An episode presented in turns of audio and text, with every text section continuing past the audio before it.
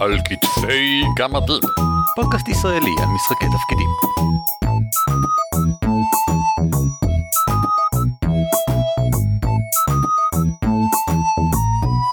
שלום, וברוכים הבאים לפרק ה-89 של הפודקאסט הישראלי העוסק במשחקי תפקידים על כתפי גמדים. שמי הוא ערן אבירם. נעים מאוד, אני אורי ליפשיץ. ונמצא איתנו אורח. אורח, הצג את עצמך. אה, אני אורי ריבנר.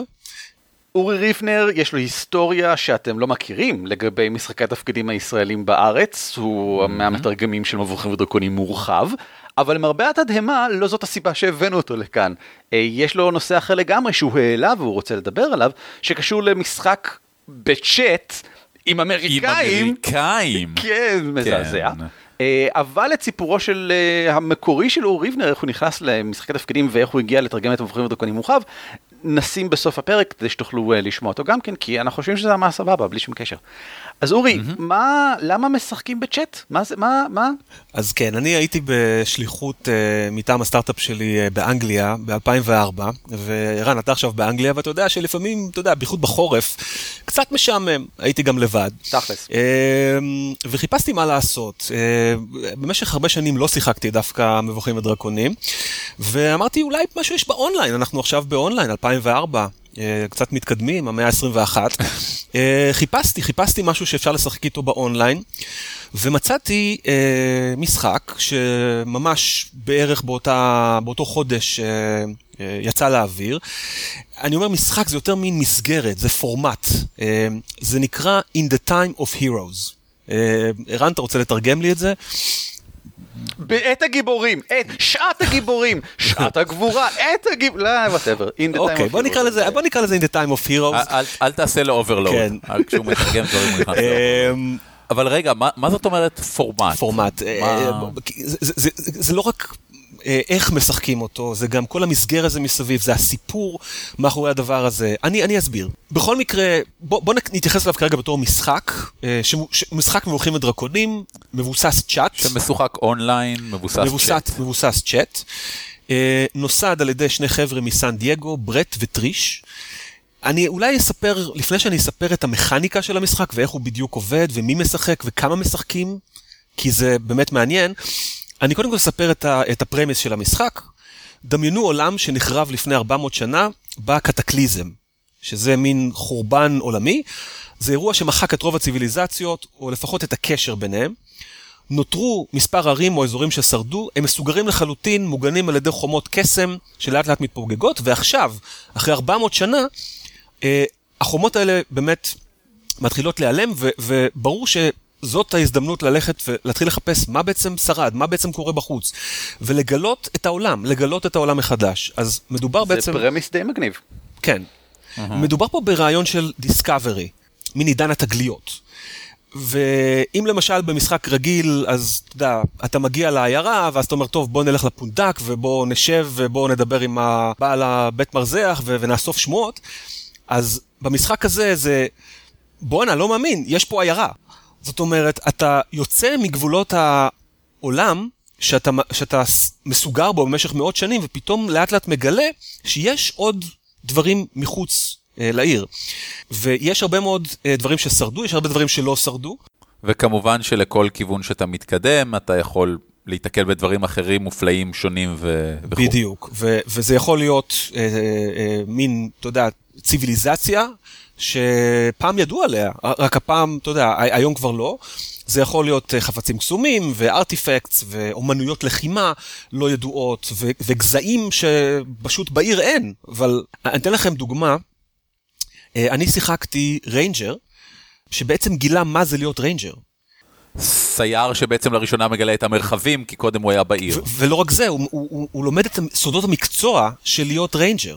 מכיוון שבתוך העיר באמת לא היה לזה שום משמעות. אז במשך מאות שנים ה ranger ים פשוט סיפרו על מה זה אומר, אבל לא היה באמת ranger ים בפועל. Uh, הסבא שלו סיפר לו על כל מיני אגדות ו- ו- וסיפר לו על, uh, על משהו שנקרא למשל Animal Companion.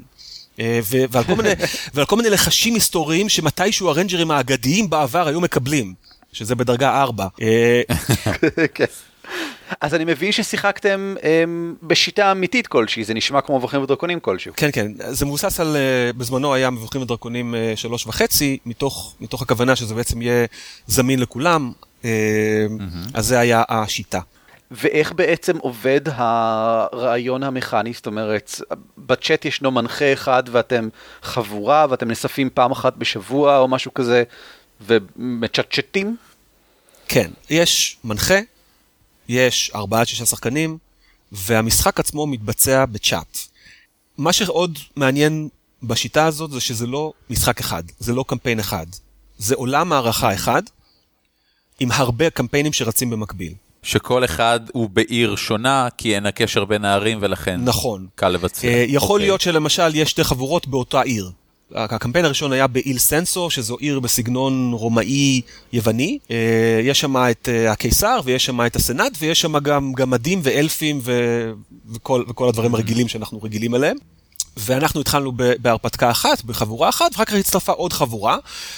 ומה שעוד מעניין זה שהתחילו להיווצר אינטראקציות לא תוך כדי משחק, אלא אה, למשל אותה חבורה, אנחנו, אנחנו בחבורה שלנו יצאנו מחוץ לעיר והתחלנו לעשות כל מיני הרפתקאות, כשחזרנו, פתאום גילינו שאסור להסתובב עם נשק שלוף ברחובות. אה, צריך להפקיד את הנשק ב, ב, בכניסה. אה, למה? כי החבורה השנייה השתוללה. ויצר חוק חדש שעכשיו אז אני מבין שזה בעצם עולם קונסיסטנטי בין, אה, משותף בין כמה חברות, אבל איך, איך תיאמו את זה בינם לבין עצמם המנחים למשל? אני מתאר לעצמי שאתר כלשהו, או איזשהו מקום שבו ריק, ריכזו את הדברים כדי לעקוב אחריהם. אני פשוט משווה את זה למשחק פורום שדיברנו עליו באחד הפרקים הקודמים, ומשחק פורום, הכל כתוב בפורום, אתה לא צריך לזכור שום דבר או לדעת כלום, כי התיעוד הוא בלתי אין כחלק מהמשחק, אבל בצ'אט, לא יודע, זאת אומרת, כמובן שיש תיעוד של צ'אט גם כן, אבל זה לא שהוא זמין לכולם, זה לא שכל המנחים שותפים בכל מקום יכולים לראות את כל תיעודי הצ'אט, זה גם נשמע נורא לא נוח לנסות למצוא שם דברים. אני מניח שמבחינה מכנית היה לכם מנחה פר עיר, לא? אה, היה לנו מנחה פר קמפיין או פר קבוצה. ויכול להיות שהיו שני מנחים שמס- שמריצים קמפיין באותה עיר. אה, בהתחלה זה היה גם מאוד מסודר. היה לנו את מנהל In the Time of Heroes, שזה היה ברט. אה, היו מנהלי ערים, זאת אומרת, מנהלי התוכן של כל אחד מהערים, היו בהתחלה נניח שלוש ערים, אר- ארבע ערים, משהו כזה, ובכל אחד מהערים, משחק, שני משחקים, ו- וזה מתגלגל, זאת אומרת, גם אפשר לקפוץ מעיר לעיר אם רוצים. זה די הרבה אנשים, כמה, בכמה אנשים הייתם נגיד ב- בשיאו של המשחק? שאגב עדיין מתנהל. כן, הוא עדיין מתנהל ומשהו כמו 50. אה, היום יש, נכון להיום, חמישה קמפיינים. אה, בשיא זה היה משהו כמו שמונה, תשעה קמפיינים, די הרבה אנשים. חלק מהאנשים גם משחקים בכמה קמפיינים. ולשאלתך, איך בדיוק עושים את כל התיאומים האלה, אז אה, אחד הדברים הנחמדים בפורמט היה לעודד את האנשים להשתתף מעבר למשחק עצמו. בדברים שהם מעבר למשחק עצמו, והם קיבלו, הדמות שלך קיבלה נקודות ניסיון על ג'ורנל uh, entries שכתבת בפורום. אז אתה פשוט, נניח, פעם בדרגה, כתבת קצת מה קרה ו- ומה החבורה עושה ומה הם מנסים לעשות וכן הלאה, פרסמת את זה בפורום, קיבלת נקודות ניסיון.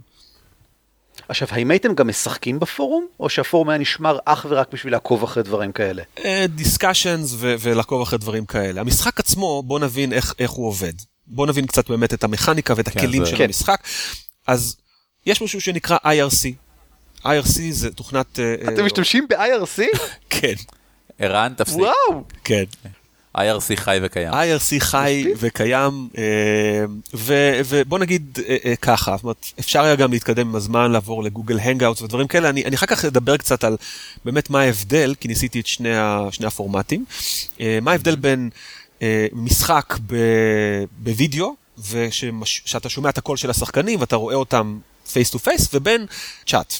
אבל אם אנחנו מדברים על כלי המשחק, אז יש את ערוצי הצ'אט, יש ערוץ אחד למשחק עצמו, שם המנחה מתאר מה קורה, אה, השחקנים מתארים מה הם עושים, יש התקלויות.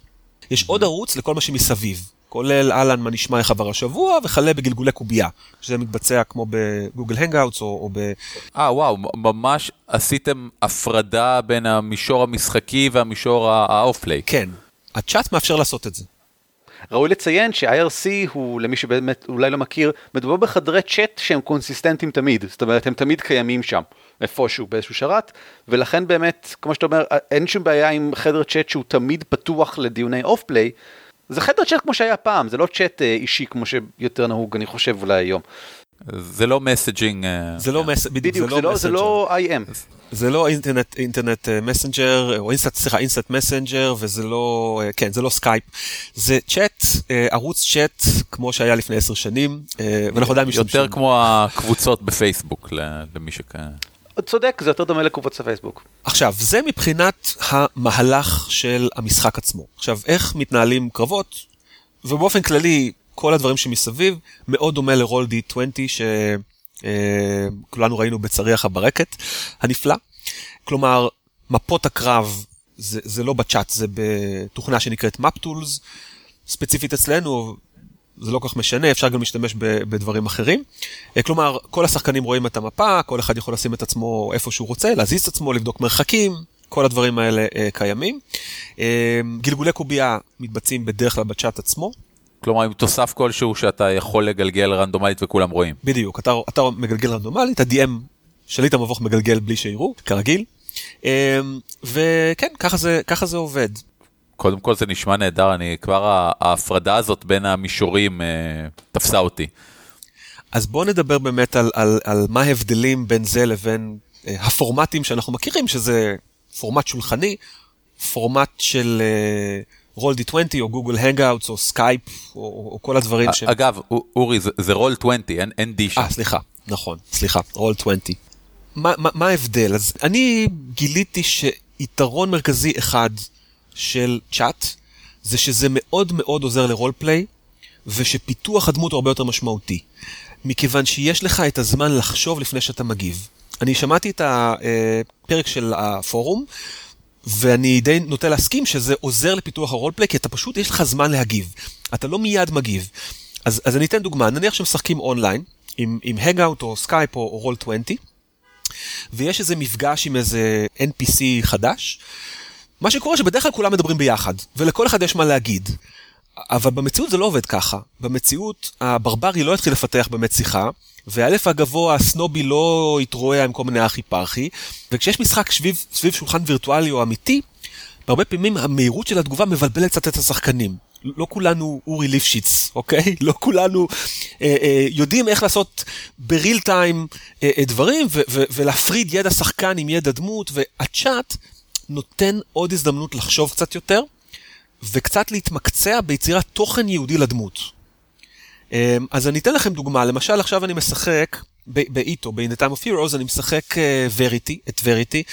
היא uh, מין שילוב של קוסמת וכהנת, מיסטיק טאורג', נדמה לי שככה קוראים לזה uh, בשלוש וחצי. היא תולעת ספרים, ובכל פעם שיש איזשהו אירוע שדורש ידע, היא תמיד לוקחת פיקוד ושולפת מתוך ה-Bag of Holding את הכרך המתאים, ויש לה מלא רפרנסים לכל מיני ספרים שאף אחד לא מכיר, וזה ההתמחות שלה, ובצ'אט זה עובד מצוין. אם הייתי צריך לנסות לעשות את הדברים האלה בריל טיים, לא הייתי מצליח. אז אני סקרן, מה, במשחק פורום למשל, יש לך לפעמים אפילו יום שלם לחשוב על התגובה שלך.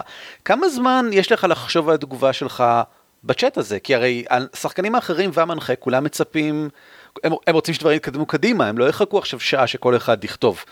מה, מה בערך הוא רווח הזמן שם שיש לך כדי לכתוב? אז כמה דברים. קודם, קודם כל, מדובר פה בדקות, זאת אומרת, אה, וזה גם בסדר שאתה יכול לבוא ולהגיד, אני עכשיו כותב. אז אנשים יודעים שעכשיו אתה כותב, okay. אוקיי. אתה רוצה לכתוב משהו, בסדר, אין בעיה, הם בינתיים יכולים לעשות משהו, משהו אחר אם הם רוצים, ואתה, ואתה כותב. זה עניין של כמה דקות, אה, אתה יודע, דקה, שתיים, שלוש, תלוי. אז ממש נהוג לשחק את המשחק ובו זמנית לעשות משהו אחר גם?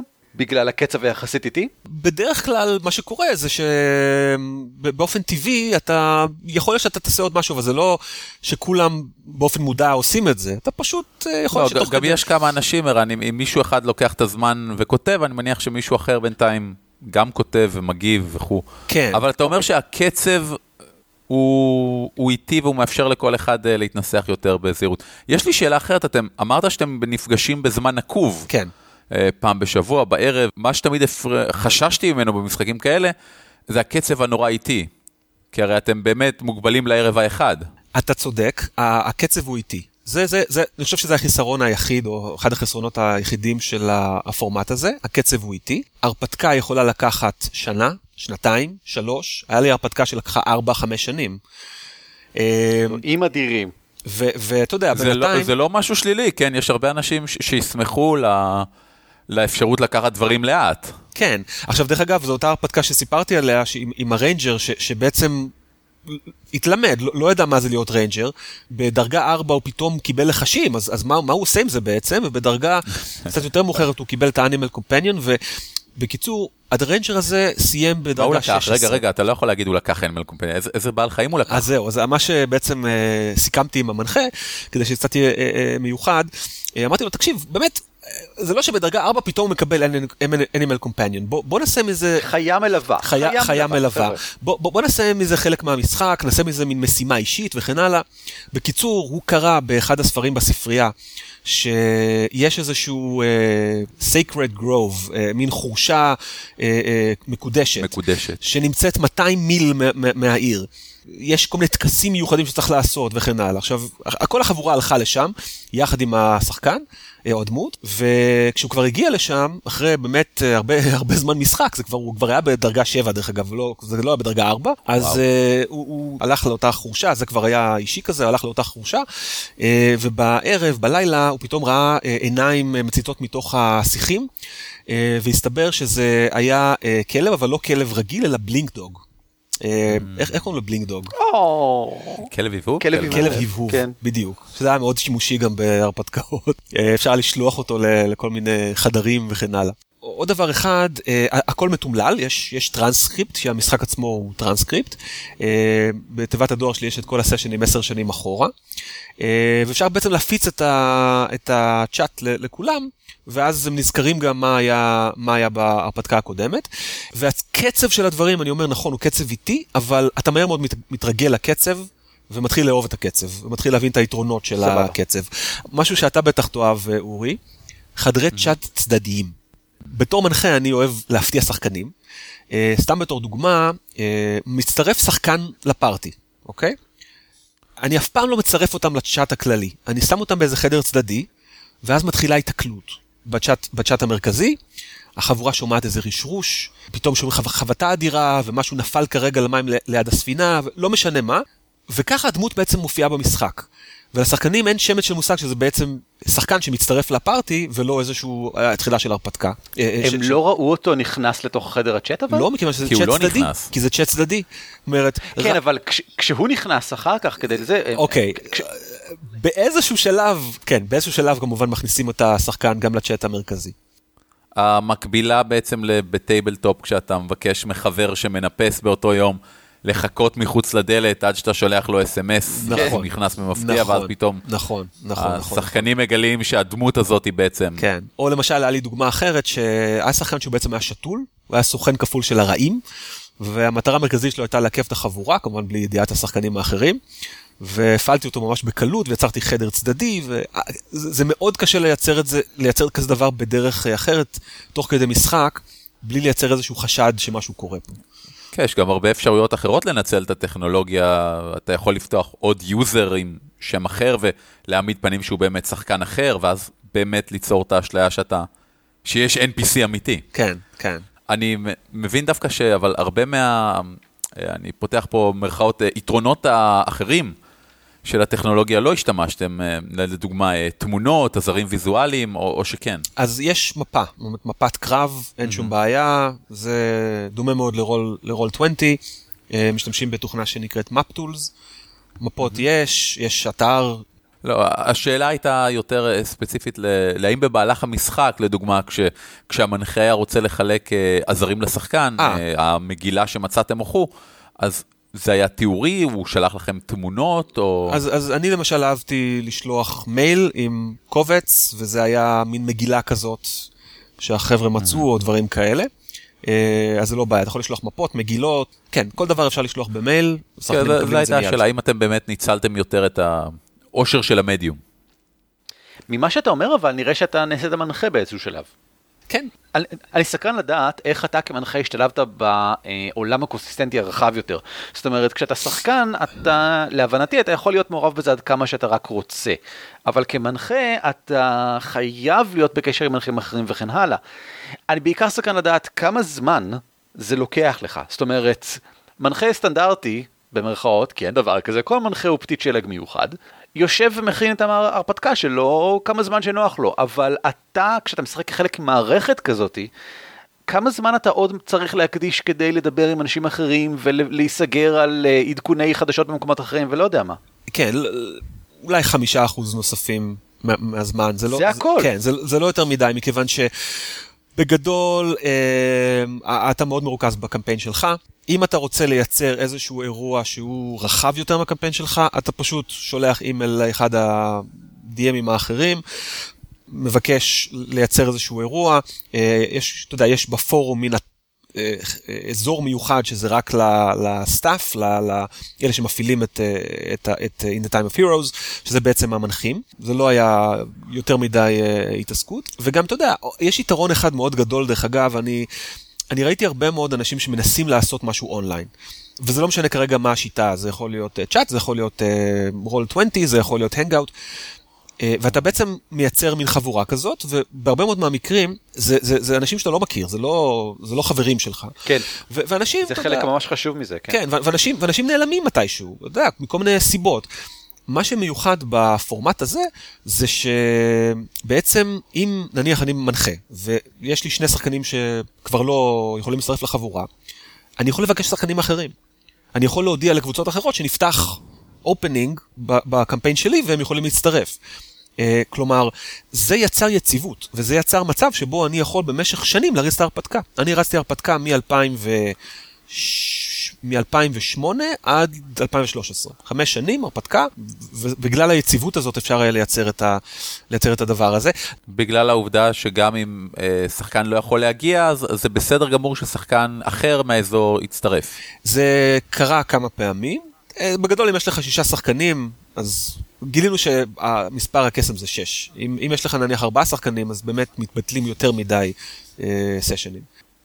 אני רק רוצה לציין שזה משהו שקרה גם במשחק הפורום שעליו דיברנו בשעתו, שגם שם לאורך הזמן הלכו שחקנים וחזרו שחקנים, אבל עצם העובדה שזה מתרחש בתוך מסגרת רחבה יותר, שם זה פשוט היה פורום הפונדק, שם אתה יכול, משם הם שאבו שחקנים נוספים, אז גם אצלך אתה אומר, המסגרת הרחבה יותר, שזה המשחקים האחרים, יכולתם לשאוב אחד מהשני. מאיפה אבל כן. הגיע דם חדש לגמרי? מאיפה הגיעו אנשים בכלל כלשהם שנכנסו לתוך כל המערכת? אני אענה, אני גם אורי. אמ, ממה שאני רואה, ממה שראיתי באתר שלהם, אז ממש באתר יש באופן מסודר אופציה של join, כלומר איך להצטרף, אתה ממלא טופס, חוזרים אליך אני מקווה, וגם יש הרבה מידע באתר, כלומר על העולם קצת ועל ה... אה, איזה משחקים פתוחים כרגע. כן, עוד דבר אחד uh, חשוב להגיד, המשחק הוא באנגלית, זה, זה די ברור, mm-hmm. אבל המשחק הוא באנגלית. ועם אמריקאים. ועם אמריקאים. עכשיו, בארץ יש אה, רושם, או לפחות אני קיבלתי רושם מכמה אנשים בארץ, שהם חושבים שכל האמריקאים הם פאוור uh, גיימרים, או uh, לא רגישים להתקדמויות חדשות בתחום uh, תיאוריה של משחקי תפקידים, כך שהם בגדול כולם מתנהגים כמו בתחילת שנות ה-80 ורק רצים אחרי אוצר ומשחקים את הדמות שלהם בלי שם, או דברים שכאלה. עכשיו, כמובן שאתה לא יכול לדבר גם כן על כל האמריקאים, כי אתה שיחקת רק עם חלק מהם, לא עם כולם עדיין, אבל עדיין אני סקרן לדעת איזה רושם אתה מקבל מהם. אני חייב להגיד שזה פחות או יותר כמו לשאול לגבי שחקנים ישראלים, זה, זה, השונות היא מאוד גבוהה, ובגדול זה מגניב. אתה לומד על uh, תרבות אחרת, uh, לאו דווקא קשורה למשחקי תפקידים, באופן כללי. אני אתן לכם דוגמה אחת. Uh, במהלך משחק הם התחילו לדבר על uh, ספר uh, שנקרא Guardians of the Flame, מכירים? של ג'ואל לא. רוזנברג. עכשיו, אני אמרתי, מה, אה, איזה? והם אמרו, תשמע, מה זאת אומרת, זה, זה, זה ספר קלאסי, זה ספר שבו יש חבורת אה, שחקני D&D, שאיכשהו נכנסים לתוך עולם D&D תוך כדי משחק. זאת אומרת, הם עוברים מהעולם האמיתי לעולם המערכה שלהם. והאמריקאים מכירים את זה, זה מבחינתם הם פשוט מכירים את זה, ואני לא הכרתי את זה. אה, אז זו דוגמה אחת. עכשיו, יש גם הרבה מנחים אה, אמריקאים, וכל אחד לוקח את המשחק לכיוון אחר. אה, אני מאוד מאוד אהבתי לשחק עם ברט, המנחה שהתחיל את ה... בעצם אחד משני אחד משני המייסדים, והוא מדהים, הוא גם אהבתי אותו בתור שחקן, הוא היה שחקן מדהים. מה עשה אותו שחקן מדהים? הוא, הוא שיחק דמות של קוסם. אה, ציני ו- ומאוד uh, uh, גזעני, uh, אתה יודע, לא, לא סובל uh, אלפים ודוורפים ו- ו- וכן הלאה, והוא, uh, הוא, הוא, uh, זה קשה להסביר, אבל הוא פשוט היה, פשוט היה מצוין, אוקיי? שחקן ממש טוב. זרם איתך וכאלה. גם זרם, גם היה לו רעיונות טובים, פשוט היה ממש שחקן מצוין, ובאמת פגשתי שם הרבה שחקנים uh, טובים. Uh, מה לעשות, החבר'ה יותר צעירים, בייחוד אלה שגם אחר כך התחילו לשחק במהדורה 4, זה יותר כזה, אתה יודע, וידאו גיים קלצ'ר, אבל uh, החבר'ה שהם קצת uh, פחות, הם, uh, הם היו מאוד רול פליי אוריינטד, היה הרבה מאוד פוליטיקה בתוך המשחק, לא רק hack and slash. זה תמיד היה משהו שאהבתי במשחק, ש, שאתה לומד קצת יותר על, על, על העולם הגדול ולא רק על השלולית הקטנה שלנו. אני יכול גם להגיד מניסיוני המאוד מועט כאן באנגליה, אבל שכשיוצא לשחק לך עם בריטים, אתה נחשף לעולם מושגים אחר, עולם תרבויות מושגים. הם מדברים על, אה, אתה יודע, סדרות טלוויזיה, אנחנו יכולים להגיד, כן, כמו פעם נחמד, הם לא יבינו, והם אומרים פה ההפך, ואני לא מבין. זה קצת קשה בהתחלה מבחינתי, אבל אתה אומר שלכם זה לא הפריע למשחק, זה רק העשיר לך את המשחק? כן, זה רק העשיר את המשחק, ואם לא הייתי, לא, לא הכרתי משהו, שאלתי, ואתה יודע, קצת... אה, האמת שבסביבת אה, צ'אט עם המרווח ועם הזה, זה באמת הרבה יותר נוח מאשר, אתה יודע, בחד"פ, שאתה יושב מסביב שולחן ארבע שעות, אתה לא תעצור עכשיו על כל דבר ותשאל, וזה גם מוציא אותך קצת אהבל. יש בעיה אחת אה, שגילינו אותה באיזשהו שלב, וזה באמת בגלל הסיבה, בגלל העובדה שהמשחקים אמיתיים וגור... ו... ו... ולוקח לך הרבה זמן לפתח את הקמפיין, רוב הקמפיינים, באיזשהו שלב המנחה עצמו התעייף. אז מה עשיתם? תחלופה של מנחים בתוך הקבוצה? בדיוק. ייצרנו בעצם חוק חדש שאומר, חברים, מעכשיו והלאה, כשמנחה מתעייף, הבא בתור מיד לוקח את, את מקומו. אפשר להמשיך באותו קמפיין, אפילו עם אותן דמויות. כמובן שהמנחה, הדמות שלו תהיה מוקפאת כרגע, אה, המנחה החדש. המנחה הישן יכול להוציא מהקפאה דמות ישנה או לפתוח דמות חדשה, וזה לא forever, זה רק לכמה חודשים, אה, ואז זה יכול להגיע למנחה הבא בתור, או שהמנחה הקודם, אתה יודע, קצת תתאושש אחרי במשך הרבה, הרבה מאוד זמן שהוא, אה, שהוא אה, הנחה, ויש לו עכשיו רעיונות חדשים ויכול לחזור למשחק. זה עובד בינתיים מצוין מתוך כל השחקנים, ש... כי ביקשנו, שאלנו, אוקיי, זה, זה בסדר עם כולם, מי שזה לא בסדר איתו, תגידו. והיה רק אחד שאמר, אני לא מוצא חן בעיניי, אני לא, לא באתי בשביל להנחות, אני באתי בשביל לשחק, ופרש מהמשחק, אבל כל האחרים בסדר עם זה.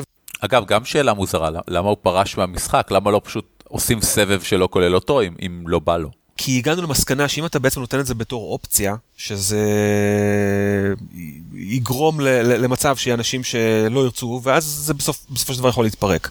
זה, זה מין אמון בסיסי כזה, שאתה אומר, כל אחד מאיתנו, מתישהו יהיה מוכן גם להנחות. Mm, אה, אוקיי. לתקופה מסוימת. אה, היו מלא שאלות על זה, אתה יודע, אנשים אמרו, אף פעם לא הנחיתי, או אני מנחה גרוע, או כל מיני כאלה, אבל בינתיים זה עובד מצוין. עדיין רוב הקמפיינים זה מנחה בוא נגיד אחד קבוע ומדי פעם הוא מקבל חופשה ומישהו אחר מחליף אותו. אה, למרות שהיו כמה קמפיינים שפשוט התחלפו ועכשיו יש מנחה אחר שמוביל אותם ו- וכולם נהנים. בחלק מהמקרים מנחה שמעולם לא הנחה, לא ב tabletop ולא בשום פורמט אחר והתגלה בתור מנחה מצוין. אני יכול לראות אגב למה זה הרבה פחות מפחיד. המשחקים באמת בקצב איטי ויש שבוע הפסקה בין משחק למשחק. אתה באמת יכול יותר להתייעץ ו- ולפתוח מקסימום, uh, כמו שאמרת, חדר צ'אט צדדי עם המנחה הקודם ולבקש ממנו עזרה, וזה בסדר. אתה גם לא נשוי להנחיה, אתה מנחה עכשיו קצת, אתה תפסיק להנחות עוד מעט. זה, אתה יודע, זה בסדר כזה. לא, ברור שזה בסדר, אני פשוט אומר שהרבה אנשים שאני מכיר שפחדו להריץ, זה כאילו אומרים, טוב, בסופו של דבר כשאני עומד מול השולחן וצריך להחליט ולהריץ את המשחק, אף אחד לא יכול להחזיק לך את היד. אתה on the spot. ופה הפורמט מאפשר לך יותר uh, גמישות. כן, היה, היה עוד דבר אחד, היה עוד אלמנט אחד במשחק. Um, המנחים בעצם מהווים את ה... נקרא לזה השדרה הניהולית של המשחק גם. זאת אומרת, כן. uh, למשל, מכיוון שזה עולם של התגלות, לא התגלות, אלא גילוי, discovery, אוקיי? אתה כל פעם מגלה דברים. אז למשל החלטנו שכל ה prestige classes, מקצועות היוקרה נדמה לי, כן. הם לא קיימים. זאת אומרת, הם קיימים רק אם אתה מגלה אותם. עכשיו, נניח שחבורה מסוימת גילתה אה, שיש דבר כזה כמו איזשהו prestige, prestige class, אז מאותו רגע זה כבר אה, כל העולם יודע. זאת אומרת, כולם יכולים עכשיו כבר להשתמש ב prestige אה, class הזה. אה, המנחים סיכמו ביניהם איזה prestige class למשל פסולים, לא רוצים אותם, יותר מדי power gaming וכן הלאה, אה, איזה content חדש אפשר להכניס למשחק, והיה ממש אה, מפגשים, בוא נגיד פעם ברבעון, okay. אוקיי. גם כן בצ'אט של המנחים, שבעצם מסכמים את כל הדברים האלה, וצוות שמוביל את הדבר. אני מבין שאתם בעצם נשארתם במבוכים ודרקונים 3 כל הזמן הזה. האם היו מחשבות לעבור? אנחנו פסלנו לחלוטין את 4. סבבה. ואני חושב שגם עמדנו בזה יפה אה, כמה שנים. עכשיו, בגלל מהדורה 5, אני, אני, פתחנו את זה, ההחלטה היא שבהחלט מעוניינים להתחיל עם משחקים גם של מהדורה 5. גם של. אני חושב שזה יקרה מעניין. בקרוב. כן, okay. זאת אוקיי. אומרת, יש הרבה אנשים שרגילים לשלוש וחצי, אה, מסתדרים טוב עם שלוש וחצי, וזה כבר, אתה יודע, יש לך את כל הספרים, וזה הכל באונליין, ו... ויפתחו משחקים של חמש. מה לגבי הבדלי השעות? Uh, כשהם בארצות הברית, אני מבין שכמעט כולם בארצות הברית, ואתה נגיד בארץ, אז אתם משחקים בשעות הזויות קצת לפעמים, לא? במיוחד אם זה הרבה מאוד זמן. אתה צודק, יש, יש, יש מעט מאוד שעות שמתאימות גם לישראל וגם לארצות הברית. אה, שבת אה, בערב למשל שלנו, זה שבת בבוקר שלהם וזה מתאים. הרבה מאוד מהשעות, למשל אם זה חמישי בשעה שמונה בערב של ארה"ב, אז זה פשוט לא מתאים, זה אמצע הלילה שלנו. אמ, היה לנו כמה משחקים שקראנו להם Europe Zone Friendly, והיו בהם גם אמריקאים שמוכנים להיות בשעות כאלה, או אם נניח בשבת, אז באמת לא בעיה, וגם אה, חבר'ה מאירופה. אוסטרליה זה בעיה. זהו, מה המצב כרגע? כמה אנשים אה, מארצות שונות יש שהם לא אמריקאים? אה, אז במשחק שני למשל יש מישהו, אה, אה, הוא קרואטי אבל הוא כרגע בשליחות בכווית, אז הוא אפילו עוד יותר שעה אחת נוספת מאיתנו. היו למשל... You can't, you can't make this stuff up, כאילו המציאות כל כך הרבה יותר מופרכת מכל דבר שנמציא במשחק. והיה לנו חבר'ה ששיחקו, הם היו חיילים של צבא ארצות הברית והם היו deployed בכל מיני מקומות. רוב השחקנים הם מארצות הברית, אז מטבע הדברים רוב ה time slots הם בזמני ארצות הברית, בשעות הערב במהלך השבוע. והיום יש שחקנים, אני אומר, 80 אחוז אולי מארצות הברית וקנדה, והשאר הם מכל מיני מקומות אה, בעולם, וזה מסתדר יפה. אני מסתכל כרגע על המשחקים הפתוחים, אני רואה שיש שניים ב... בימי ראשון, שזה הגיוני, בצהריים ובערב, שבת, חמישי, שני, גם בערב ובצהריים. גם מעניין שזה סלוטים של שעתיים. כן, זה סלוטים של שעתיים. זה, זה באמת מעניין, מכיוון שבשעתיים אתה לא יכול להספיק המון. אם יש לך למשל קרב, הקרב יכול לקחת, אפילו אם זה קרב, major קרב, אולי עשרה סשנים. עשרה סשנים, בוא נעשה חישוב, סשן בשבוע, זה שלושה וואו, חודשים. וואו, וואו. זה כמו בנרוטו. כן. אז, אז, אז, אז, אז, אז שעתיים אתה לא מספיק יותר מדי, אבל מצד שני זה, זה, זה, זה, זה, בסדר, אתה, אתה מתרגל לזה מהר מאוד, ואנשים אוהבים את, ה, את הפורמט הזה של השעתיים, כי זה באמת לא משהו שנמרח לך יותר מדי. דרך אגב, בוא, בוא נבין, אוקיי, זה, רוב השחקנים שם גם משחקים tabletop, או חלקם משחקים בפורמטים אחרים. זה לא שזה הדבר היחיד שאתה עושה. טוב, זה, זה בהחלט פורמט uh, מאוד מעניין, ואני מרגיש לפחות שעכשיו אני באמת מבין... Uh... אני לא אגיד יתרונות וחסרונות, אבל את, את האופי הספציפי של הפורמט, והוא מאוד מעניין. יש לי שאלה מעניינת, אתה חושב שהם יסכימו לקבל עוד ישראלים, נניח, אם מישהו מהמאזינים שלנו ירצה... אה... זה מה שרציתי להציע, אם אתה רוצה לנסות למכור את זה למאזינים שלנו. כן, בואו ננסה למכור את זה קצת למאזינים. כי אני רואה חמישה מקומות פנויים בשלושה קמפיינים שונים. כן, לא רק זה, אפשר גם לפתוח קמפיין נוסף. אה, אז אה, בהחלט, זאת אומרת, אה, כל מה שצריך לעשות זה ללכת לאתר שנקרא in the time of heroes.org, org, ולהירשם. רגע, אולי אני אעשה עכשיו משהו לא יפה, אז אולי נוריד אותו בעריכה ויגיד, אתה תהיה מוכן לפתוח קמפיין כזה, לדבר, כי אתה בעל הניסיון, אולי להריץ כמה סשנים ניסיון, ואז להתחיל תחלופה, כי אני, אני לא רואה את זה בכנות עובד בדרך אחרת. אה, קודם כל חבר'ה יכולים להצטרף לאחד הקמפיינים הפתוחים, למשל ביום שבת, זה ממש מתאים, זה שבת בשעה 10 בערב שלנו, אבל אה, אפשר גם לשקול את זה בהחלט. אה, מצוין, אני, אני מאוד אשמח לשמוע דבר כזה, אפילו אם תרים סשן חד פעמי להתנסות, להסביר לאנשים ש, שיראו איך זה, ויראו אם הם רוצים להתחייב לקמפיין. סבבה. ועכשיו גם אפשר במוד 5. שהיא שיטה מאוד נכון. נוחה ומאוד פשוטה לשימוש ומאוד קל להיכנס אליה, שתדעו. דברים אחרונים, אורי? Uh, לא, אני פשוט רוצה להגיד שזה רץ משנת 2004, זה עשר שנים. בדיוק עכשיו זה ה-10th year anniversary של uh, In the Time of Heroes. Yeah, uh, ו... uh, וזהו, זה פשוט, uh, אני מאוד נהנה מזה. טוב, אז קודם כל אני רוצה להגיד המון תודה לך, אורי ריבנר, שבאת והצגת את זה. אני, אני תמיד שמח לשמוע על עוד פורמטים ועוד דרכים שבהם אנשים אה, משחקים, ו- ולנסות להבין את היכולות שמקבלים מכל פורמט, וזה תמיד, תמיד מרתק. לראות איך אנשים בכל העולם אה, מוצאים וריאציות חדשות לתחביב שכולנו מכירים כבר כל כך הרבה זמן. אז באמת המון תודה. מעולה. אה, אין לנו באמת חדשות ועדכונים לתת כרגע אורי בגלל שהפרק הזה יעלה רק בעוד שבוע מהיום אז uh, אני mm-hmm. אולי אוסיף אחר כך במידה ויהיה צורך אבל כרגע אין. האם יש משהו אחר שאתה רוצה להגיד בכל זאת? הייתי רוצה להגיד את המילה הזדרכת. איזה יופי, אני כל כך שמח לשמוע. רגע, הנה רן מהעתיד, בעצם מההווה. אני מקליט עכשיו ביום שני שבו עולה הפרק רק שני עדכונים שיש לנו להגיד לכם. האחד עלתה תוכניית כנס היפוגריף שיארך ב-21 ל-12 שזה כמה ימים אחרי משתיים גם נים 2 לכן אנחנו מרשים לכם ללכת. זה כנס שהתרחש כולה בירושלים וכולל רק משחקי שיטה. כל התוכניה היא אך ורק עם משחקים שהם עם שיטה מוגדרת, תענוג לראות כזה דבר, הרבה מאוד שיטות שכדאי לכם מאוד להכיר, קישור מופיע כמובן בהערות הפרק. בנוסף העלינו את היכל התהילה, שבו שמותיהם של כל האנשים התומכים בקמפיין מימון ההמון, כל האורחים שלנו, לפי הסדר הפרקים שבו הם הופיעו, וכן הלאה. ועכשיו נחזור מהר לפרק, כי יש לנו עוד קצת. טוב, אז תודה רבה לך, אה, אורי ריבנר, על כך שהצטרפת אלינו כאן היום בשביל לספר על הפורמט הזה. אני מקווה שכמובן זה משהו שאולי יוכל לתרום מעט בארץ. זה מאוד פשוט ליישום, ואנחנו יכולים לא לנסות לעודד יצירה של אולי... את הגיבורים בעברית או משהו, הרי לא חייבים להצטרף ספציפית ל... אמ, זה, לא שאני רוצה לגרוע משהו מ-Time of Heroes, אבל לא חייבים להצטרף ספציפית לזה כדי לשחק אונליין בצ'אט. או בעולם אה, משותף או דברים שכאלה.